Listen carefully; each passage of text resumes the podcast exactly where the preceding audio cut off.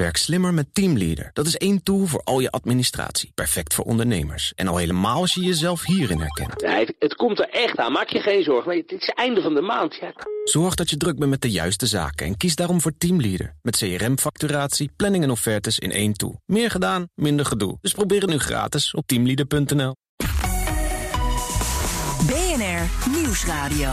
De AEX-factor. Wesley Weert. Jelle Maasbach.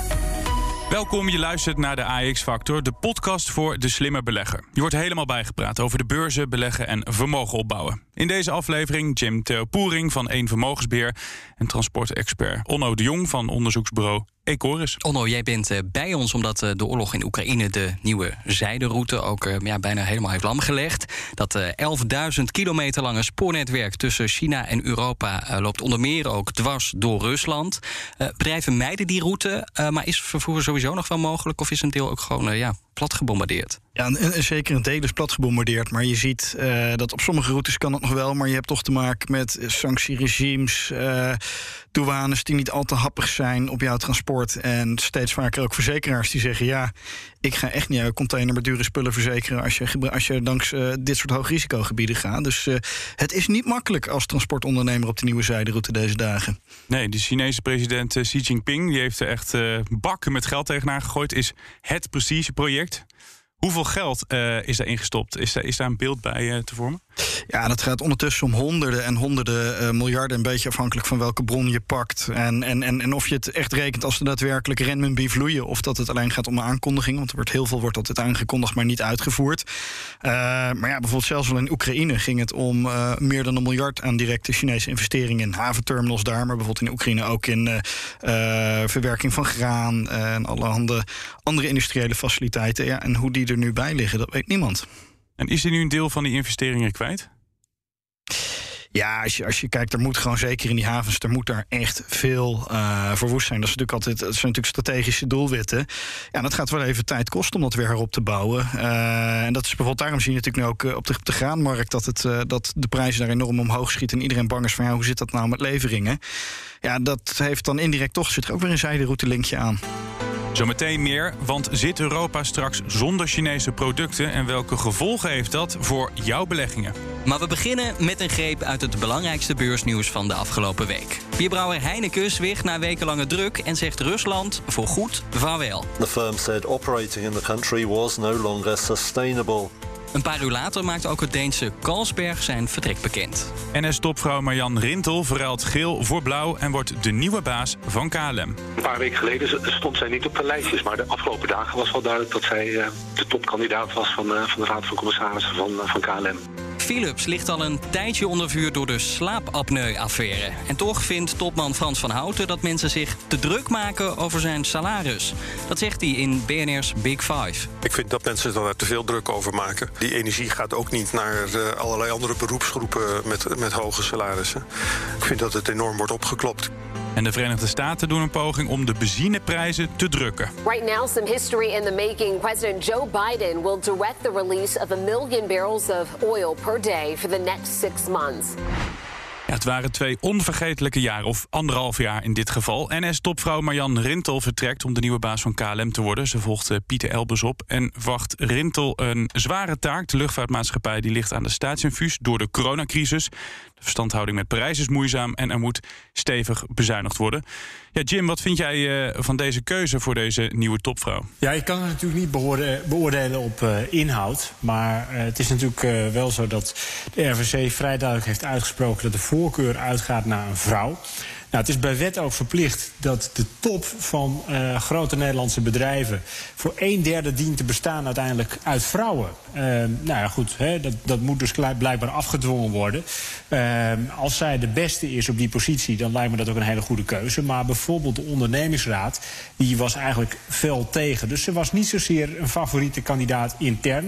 Het was met name de, RC die dat, of de RVC die dat wilde. en daarnaast is er ook politieke druk om een vrouw te benoemen. Ja, je hebt het over die ondernemingsraad. Die heeft ook uh, gereageerd.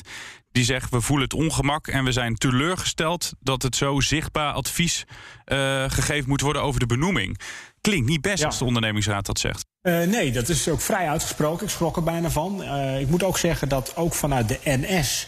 Ik weet even niet meer of de ondernemersraad was, maar wel in elk geval uh, een, een, meer de hoek vanuit personeel. klonk toch ook behoorlijk negatief geluid over deze dame. En ook vrij uitgesproken. kijk, natuurlijk heb je de, de, de, de wettelijke plicht misschien om een vrouw op die positie te, neer te zetten. Anderzijds kan je natuurlijk ook afvragen, juist bij KLM heb je niet op dit moment gewoon de aller, aller, allerbeste beste nodig. Want ja, Air France KLM is technisch hartstikke failliet. Uh, er worden miljardenverliezen geleden. Het gaat weer ietsje beter. Maar ja, dit is een uh, bedrijf dat aan het noodinfuus hangt. En waar echt een groot leider eigenlijk moet opstaan om het tijd te keren als het nog kan. Ja, de volgende vraag was, eh, stel dat ze benoemd wordt... wat treft ze dan voor bedrijven aan? Nou, dat heb je eigenlijk al gegeven, dat antwoord. Het ziet er niet heel best uit. Nou, nee, dat klopt inderdaad. Ik moet even denken aan, uh, hè, zoals Wilders dan altijd zei... die had het eerst over uh, de puinhopen van uh, Rutte, hè, dat soort teksten. Nou, ik weet niet van wie deze puinhopen zijn... maar we hebben die in, inmiddels wel over... nou, volgens mij was de fusie Air France KLM in 2004. Dus we hebben het al over bijna 20 jaar puinhopen... Uh, aandeelhouders hebben absoluut geen plezier van de fusie gehad. Want de aandelenkoers die is uh, hard gedaald. Zeker in de afgelopen jaren sinds corona. Maar ook daarvoor was het echt al een verlieslatende business. Uh, er is al 15 jaar geen dividend uitgekeerd. Verlies over 2021 bedroeg bijvoorbeeld 3,3 miljard voor de groep. Maar ook KLM zelf is verlieslatend. Dus ja, eigenlijk kan je je wel afvragen... is KLM überhaupt nog levensvatbaar? Nou, dan het slechte nieuws wij als Nederlanders bezitten ook zo'n 70 miljoen aandelen in dit uh, prachtige bedrijf. Vier aandelen per Nederlander. Dus het is te hopen dat er ooit nog wat uitkomt. En als ik jou zo hoor, dan denk je dat er niet heel veel uit gaat komen. Nee, kijk, als belegger wil je natuurlijk rendement maken. Enerzijds doordat de winst wordt gemaakt en jij als aandeelhouder een stukje dividend krijgt.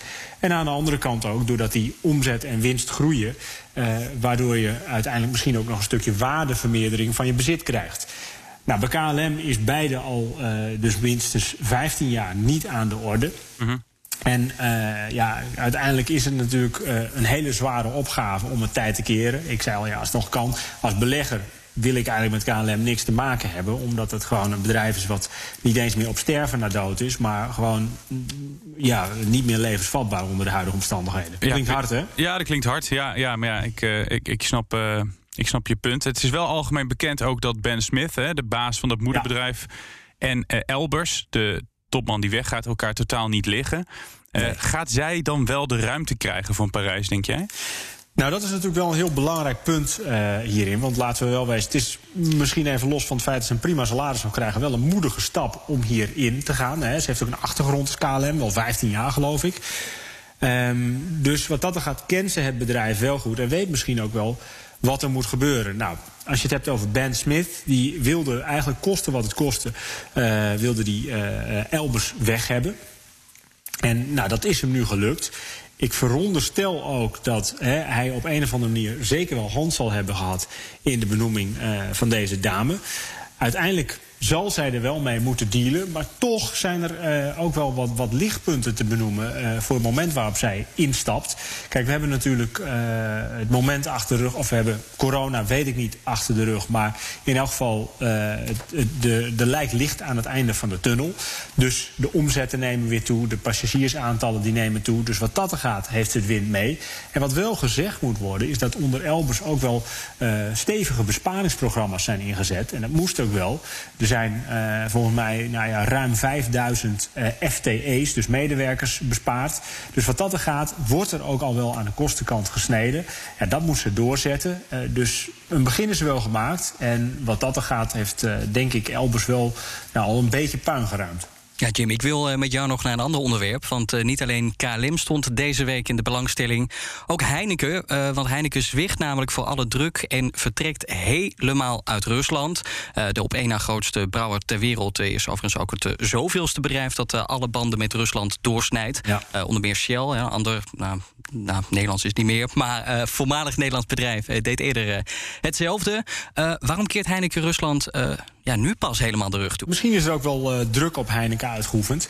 Waarbij wel gezegd moet worden dat ze het deze week aankondigen. Maar wel begin maart, zo volgens mij 9 maart was het, een persbericht hebben uitgestuurd. Dat ze de activiteiten ja, wilden heroverweging, under review, zoals het dan mooi heet. Um, maar ja, het is voor een commercieel bedrijf natuurlijk altijd lastig. Hè? Als je ergens omzet hebt, als je ergens een verkoopkanaal hebt, medewerkers en ook positieve marges om daar dan een streep doorheen te zetten. Dus het is uiteindelijk denk ik meer de publieke opinie of de politieke druk geweest die hiertoe uh, heeft, of, uh, heeft geleid, dan dat Heineken dit zelf daadwerkelijk wil. Ja, je had inderdaad van verschillende kanten kwam kritiek publiek, politiek, maar ook deels vanuit de aandeelhouders. Beleggersclub VEB die riepen bedrijven die zaken doen in Rusland eerder al op om snel bekend te maken ja, of ze van plan zijn om in Rusland te blijven of niet. Nou, dat heeft Heineken gedaan. Maar luister even mee naar wat de VEB hierover zei. Zeker voor ondernemingen die al jaren pleiten om zich goed en netjes op te stellen naar de buitenwereld toe, naar de maatschappij toe. Dan eigenlijk is er geen andere keuze dan je al niet tijdelijk terug te trekken uit Rusland. Dit soort morele kwesties uh, kunnen pijn doen, ook in financiële zin en dus ook voor aandeelhouders. Uh, een onderneming heeft daarbij wel de plicht om aandeelhouders netjes en correct te informeren van wat die impact gaat zijn en wat de exacte beweegredenen zijn. Maar ik denk dat wij in een situatie zijn waar vele partijen pijn lijden en daar zit ook een stukje financiële eh, pijn bij, bij sommige aandeelhouders. Dat is een consequentie van het moreel juist doen. Ja, dat zei Errol Keiner van de VEB. Uh, Jim, als jij hier als belegger naar kijkt, is dat vertrek van Heineken ook ja, eigenlijk de, de, het enige nette dat ze hadden kunnen doen en het enige dat ze hadden moeten doen? Nou, als je kijkt vanuit de politieke opinie en misschien ook wel de algemeen geldende uh, mening rondom Rusland en uh, of je daar als bedrijf wel of niet zaken zou moeten doen, ja, dan moet je als aandeelhouder die pijn ook nemen. Waar alleen misschien soms wel wat makkelijk aan voorbij wordt gegaan, is dat Heineken uh, bijvoorbeeld 1800 medewerkers heeft in, in Rusland en ook een beetje in Oekraïne, die uiteindelijk dus allemaal hierdoor ook hun baan verliezen. Hè. Dus je hebt ook nog wel het humane aspect. Je ja. kan kijken naar het, ja, het, het, het nou ja, kapitalistische punt, waarbij je zegt, ja, dit kost de aandeelhouder geld. Nou, daar heb ik eigenlijk weinig problemen mee. Uh, als dat uiteindelijk in, uh, nou ja, in het belang van de wereld is, dan moeten we dat doen. Maar uh, ik denk ook dat je. ik begrijp vanuit Heineken wel, even los van het financiële, dat ze ook nog de morele verantwoordelijkheid naar de medewerkers daar ja, in ogenschouw nemen. Want ja. die mensen verliezen allemaal hun baan. Ja, Heineken maar als belegger wel, begrijp ik het. Heineken heeft wel gezegd, tot het einde van het jaar geloof ik, ja. betalen we ze door. maar als we dan toch even kijken naar die markt.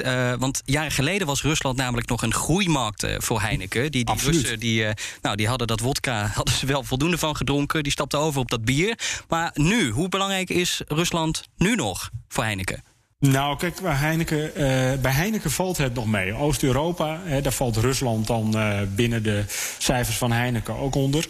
Uh, dat is een groeimarkt. Daar zit ook echt stevige groei voor Heineken. Waar bijvoorbeeld Europa een, ja, eigenlijk een wat zwakkere markt is. Waar weinig groei meer te realiseren is. Dus ja, dit geeft wel een knauw voor de Oost-Europese activiteiten. Heineken zegt zelf van ja, we nemen een eenmalige afschrijving van 400 miljoen. Nou, dat lijkt heel veel. Maar kijk, als je de, de, totale balans van Heineken bekijkt... of bijvoorbeeld de marktwaarde van dat uh, aandeel...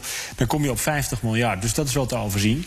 Um, nou, misschien komt het straks nog aan de orde. Maar als je kijkt bijvoorbeeld naar uh, branchegenoot van Heineken, Carlsberg... Ja. Uh, ja, daar heb je, die hebben echt een substantiële deelneming in, uh, in, in Rusland via uh, Baltica Breweries. En dat is zo'n 11, 12 procent van de hele omzet die daar wegvalt. Dus daar hakt het recht in. Ja. Die koers ernaast elkaar legt, dan zie je ook dat Heineken is dit jaar wel gedaald. Maar bij Carlsberg is er gewoon 30 procent van de koers af. Omdat ze gewoon echt een heel belangrijk deel van hun activiteiten af gaan stoten. Ja, daar zit een groot verschil in, inderdaad. Alleen toch, 400 miljoen, je noemde dat bedrag net al... dat heeft ook deels te maken met het feit dat ze uh, op zoek moeten... naar iemand die die Russische activiteiten over wil ja. nemen. Maar dat gaat ze toch nooit lukken in deze huidige omstandigheden? Nou ja, dat is hetzelfde wat uh, Shell natuurlijk wil gaan doen. Dat uh, is een lastige uh, opgave. Je zult iemand moeten vinden die wat minder morele bezwaren heeft om in Rusland actief te zijn. En die zegt van nou, doe mij maar voor een koopje deze activiteiten. Want dat is het uiteindelijk dan natuurlijk wel. Maar niemand wil op dit moment geassocieerd worden met, met Rusland. Ja, dan lopen ze ook nog het risico dat het misschien nog genationaliseerd wordt als ze het niet verkocht krijgen. Maar dat uh, terzijde. Terug naar die nieuwe zijderoute. Vernielde sporen, sancties en verzekeraars die zich terugtrekken. De oorlog in Oekraïne legt de nieuwe zijderoute bijna helemaal lam.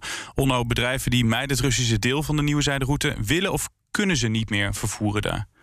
Nou, het, het is natuurlijk, je ziet dat vanuit, omdat China legt natuurlijk niemand sancties op. Dus vanuit China naar Rusland, dat gaat prima. Dat is ook een gat waar dan allemaal Chinese partijen inspringen. En zeggen, nou, oh, als Merck zegt van nou, je kan niet meer met ons eh, naar Rusland. Nou, zeggen Chinese partijen, je hebt geluk, we hebben, kunnen wat extra treinen regelen.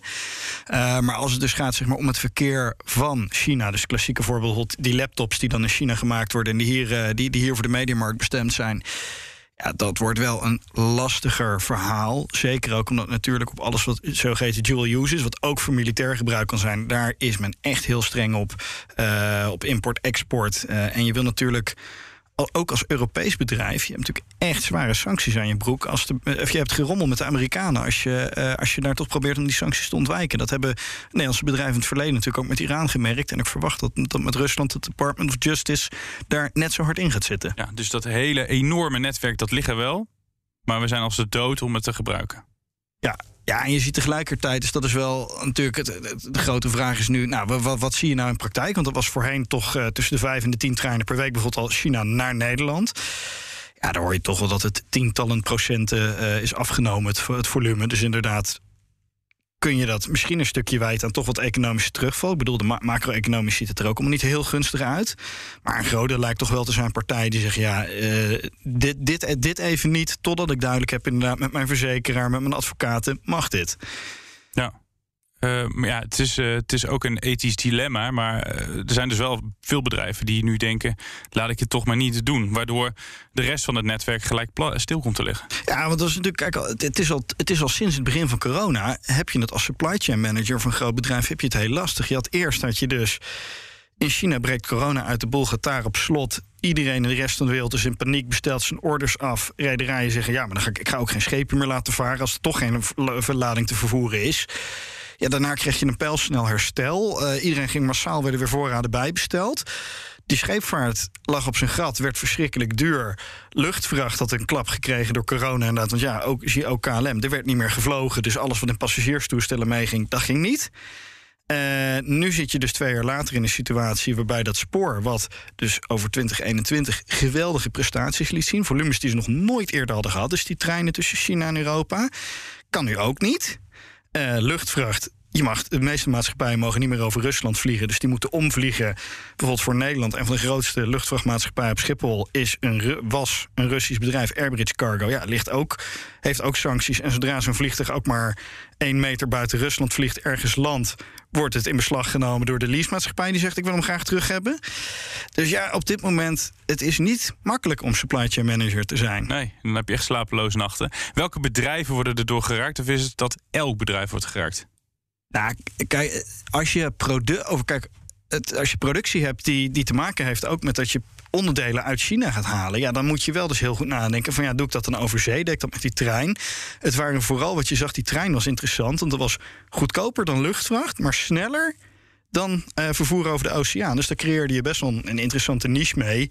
Uh, die bijvoorbeeld voor auto-onderdelen, uh, laptops, allerhande andere consumentenelektronica hartstikke interessant was om, om gebruik van te maken. Ja, en dat, dat valt nu wel weg. Dus je maakt of meer kosten of in je supply chain, uh, het duurt langer voordat je het in de schappen hebt liggen. Ja, maar het is toch wel nog steeds zo dat slechts een hele kleine fractie van al onze goederen over dat spoornetwerk worden, worden vervoerd. Dat is 1 of 2 procent toch maar. Klopt, het is, het is, het is geloof ik 3, 3 procent van het volume, maar in waarde is het dan wel weer 5 of 6 procent, omdat het dus relatief hoogwaardige producten zijn. Uh, dus nee, je gaat het, uh, kijk, je gaat tuinmeubelen, ga je nooit via, of, of een koelkast ga je nooit via, nooit via de trein vervoeren.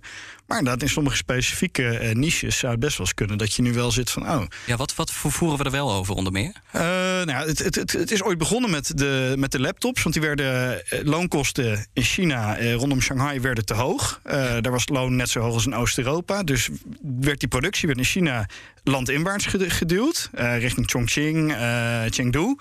Ook van die enorme steden.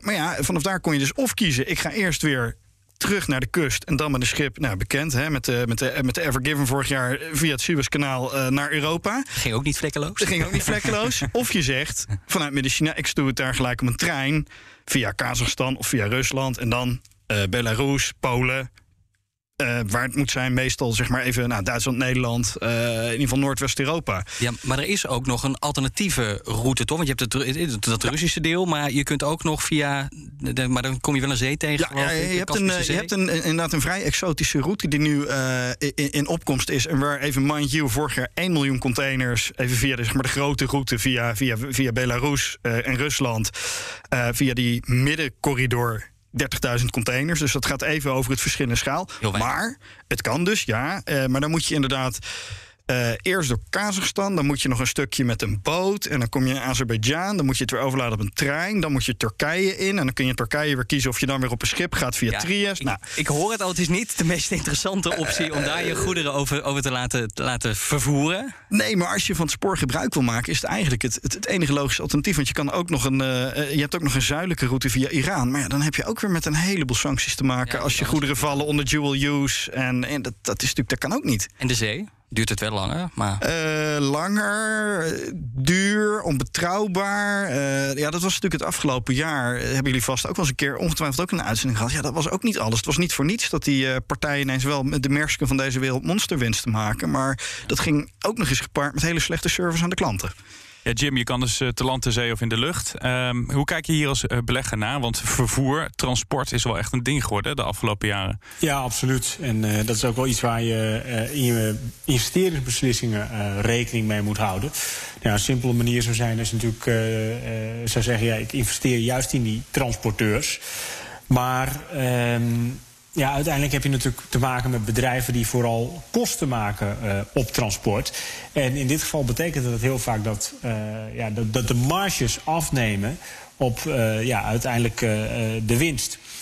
En dan heb je nog een ander puntje, want het is niet alleen het transport wat duurder is, maar ook de productie die duurder wordt of grondstoffen die duurder zijn. Dus er zijn bedrijven die echt hard geraakt worden, waardoor je inflatie ziet, met name aan de inkoopkant. Deels door transport, deels door duurdere grondstoffen.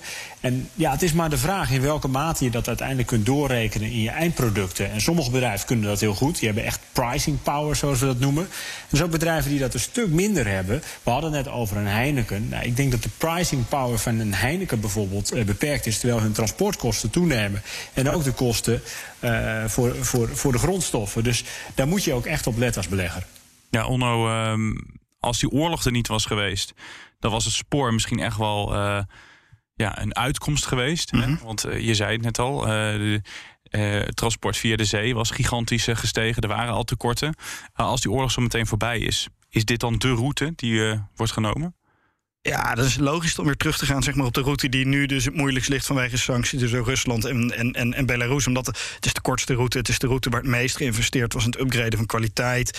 Uh, je zag zelfs dat uh, China bereid was vanwege het belang wat ze erbij hebben om te investeren in douanefaciliteiten in Belarus. Dat daar uh, de douane, wat altijd een bottleneck vormde, ineens beschikking krijgen over allemaal hele moderne 5G-technologie, noem maar op. Dus ja, ik denk veel gaat ervan afhangen. Maar dat is natuurlijk ook niemand weet dat hopelijk komt er snelle wapenstilstand. Maar wat gebeurt er dan met die sancties? Maar stel dat die oorlog zo voorbij is en stel dat die sancties ervan af zijn, dan hebben we nog een ding. Dat is corona in, eh, in China. De overheid dacht, daar laten we Omicron niet rondgaan zoals hier. Maar laten we elke keer zo'n lockdown uh, plaatsvinden en slechte vaccins uitrollen. Daardoor zijn er weer lockdowns daar. Uh, zorgt dat ervoor dat Chinese producten hier op dit moment minder of helemaal niet kunnen komen? Ja, iedereen roept om het hardst dat het nog steeds heel, heel goed gaat. En ik denk wel wat er gebeurt, is dat toch een hoop bedrijven zeggen van ja, wat we geleerd hebben in corona, we zullen toch weer iets grotere voorraden moeten aanhouden. Ook gewoon van consumentenproducten in Europa. Ja, dat is natuurlijk voorraad aanhouden is duur. Maar om te voorkomen dat je, dat je niet kan leveren, dat er toch, uh, lijkt het toch alsof dat een, een, een, een, oplossing is die voorlopig gekozen is. En dan merk je het ook iets minder als er nu zeg maar een paar weken lang dan weer hiccups zitten in, in, in China. Ja, je zegt het precies goed, een paar weken lang. Maar ja, als dit conflict langer duurt, dan zit je dus daar met havens die dicht zijn mhm. vanwege de coronabesmettingen. Nou, er zijn allerlei vliegverboden. Uh, ja, via trein is dus ook allemaal niet makkelijk. Ja, dan wordt het lastig om die Chinese producten hier te krijgen. Klopt, dus dan wordt altijd geroepen, ja, waarom haal je dan die productie niet terug naar eh, landen dichterbij. Nou ja, dat is een heel mooi voorbeeld van best wel wat partijen die zeiden: we hebben productie in Oekraïne zitten. En Volkswagen kan niet produceren, MAN kan niet produceren. Terwijl dat, ja, dat hing samen met dat er allerhande componenten uit Oekraïne moesten komen. Van fabrieken die nu ook stil liggen. Dus het is, het, het, het, is, het ene probleem is dan altijd lijkt opgelost te zijn, maar dan komt gewoon het volgende weer, het, het, het, het, het, vol- het volgende weer terug. Dus het blijft. Ik denk wel dat supply chains blijft echt de komende tijd een heel belangrijk onderwerp. Dat weer zei iedereen, ja, het is inderdaad, nou, Jim net ook terecht zei, kostenpost. Ja. Alleen lijkt het toch wel alsof twee jaar corona ertoe heeft geleid. Ja, het is nog steeds een kostenpost, maar het is ook wel handig om er ook op boordniveau wel mee bezig te zijn. Om na te gaan denken, hoe richt je nou je supply chain in en hoe kun je inderdaad zorgen dat het niet alleen een kostenpost is, maar dat je hem uiteindelijk toch ook wel als asset kan inzetten. Ja, Jim, ook voor 2022 blijft dus eh, die hele supply chain waarschijnlijk een ding waar je dus als belegger ook naar moet kijken. Eh, je, zei, je had net al over pricing power en dat de een dat beter kan doorberekenen dan, dan de ander. Eh, tegelijkertijd heeft wel elk bedrijf hier last van. Dus ik vraag me dan af van ja, wat moet je daar als beleggers echt mee? Want je kunt niet bedrijven uitsluiten die er geen last van hebben. Nee, daar heb je eh, gelijk in. Ja, iedereen heeft op dit moment last van inflatie. Hè, want we hebben het eh, nu over grondstof, we hebben het over transport.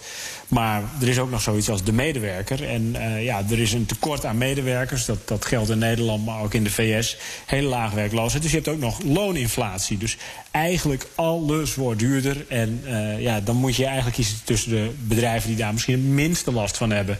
Kijk, ik vind zelf altijd een mooi voorbeeld Microsoft. Eh, die kunnen hun prijzen met 15% verhogen, wat ze recentelijk hebben gedaan.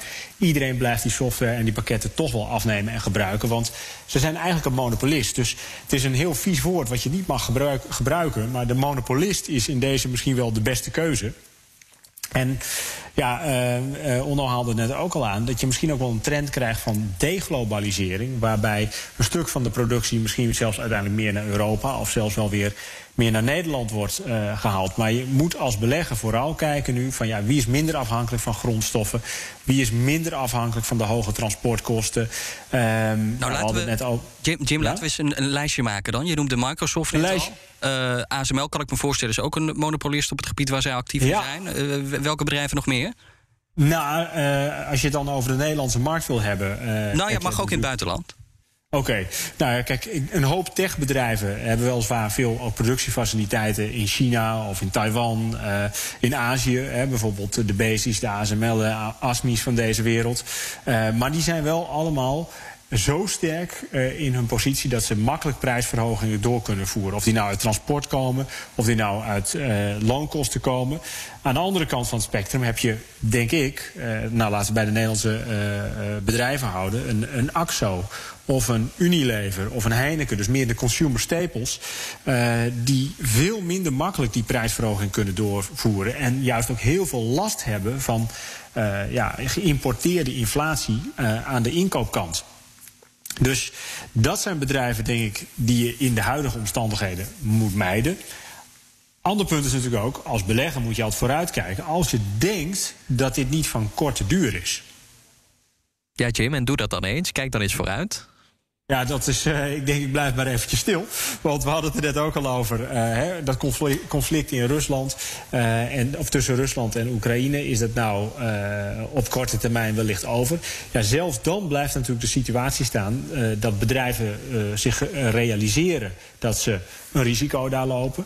Eh, en misschien ook wel blijvend dat transport liever niet door, eh, nou ja, door bijvoorbeeld Rusland laten gaan. Dus ik denk persoonlijk dat dit niet van hele korte duur is, maar best wel van een langere periode zou kunnen zijn. Ja, wat natuurlijk ook nog speelt, bed- bedenk ik me... want het gaat heel erg over eh, grond, grondstoffen zeg maar, op de juiste plek krijgen. Maar we hadden het net bijvoorbeeld over een Heineken. En die had daar ook allemaal productie gewoon zitten in, in Rusland. Die besluit nu om daar weg te trekken. Maar als dit conflict snel opgelo- opgelost is... dan ja, heb je ook niet weer snel al die productie zeg maar, in Rusland zitten. Dat lijkt me ook nog wel... eh, ja, dat al die bedrijven die nu vertrekken... die snijden zichzelf misschien straks in de vingers. Want ja, dan is de afstand die je moet overbruggen groter... en moet je dus ook meer gaan transporteren. Ja, maar ik denk ook niet dat die zo snel weer zullen terugkomen. Want die hebben nu gezien wat het risico is van ondernemen in Rusland. Zeker als Poetin daar nog aan het eh, eh, roer is. Eh, met name Amerikaanse bedrijven die gaan hier heel ruksigloos te werk. Die zeggen we trekken de stekker eruit. Jammer voor die mensen. Eh, alles gaat weg uit Rusland. En het komt voorlopig ook gewoon niet meer terug. Kijk, ik kan niet spreken voor eh, Heineken hoe die dat eh, gaan doen. Hè, of Dolf van de Brink eh, over een jaartje zegt... nou, we gaan weer terug naar Heineken. Dit zijn redelijk definitieve beslissingen... over iets wat ze heel lang hebben over gedaan om op te bouwen. Of in een eerdere situatie, we hadden het over Carlsberg... die Baltica heeft overgenomen. Ja, als ze nu gaan verkopen, ze zitten daar niet zomaar weer. Ze nemen gewoon permanent afscheid van activiteiten en omzet. Ja, en dan is het de Russische markt waar je afscheid van neemt. En dat is misschien dan minder erg dan dat je in conflict komt met het grote China. Want daar zal je niet snel zeggen: we nemen voorgoed afscheid. Eh, Met andere woorden, Rusland kan je misschien wel missen. Ja, Rusland is voor uh, nou ja, wereldwijd, maar zeker ook voor Nederlandse bedrijven een hele kleine handelspartner. Als je het dan hebt over China, we zijn volledig afhankelijk op veel, voor, vanuit veel bedrijven voor de volledige toevoer vanuit China. Daar vindt zoveel productie plaats, ook voor grondstoffen. Hè. We hadden het net over een AXO, IMCD. Ja, uh, dat, dat is eigenlijk ondenkbaar. Ja, Onno, uh, we hebben hier een podcast, uh, Boekstein en de Wijk. Die Mhm. mm bespreken de geopolitiek. Ik ga het nu een beetje met jou proberen. al weet ik dat je geen Rob de Wijk bent. Uh, maar die nieuwe zijderoute, je zei het al, is het prestigeproject van Xi Jinping. Dus is hem alles aan gelegen dat dat zo meteen wel allemaal gaat rijden. Hè, als die ja. sancties er vanaf zijn.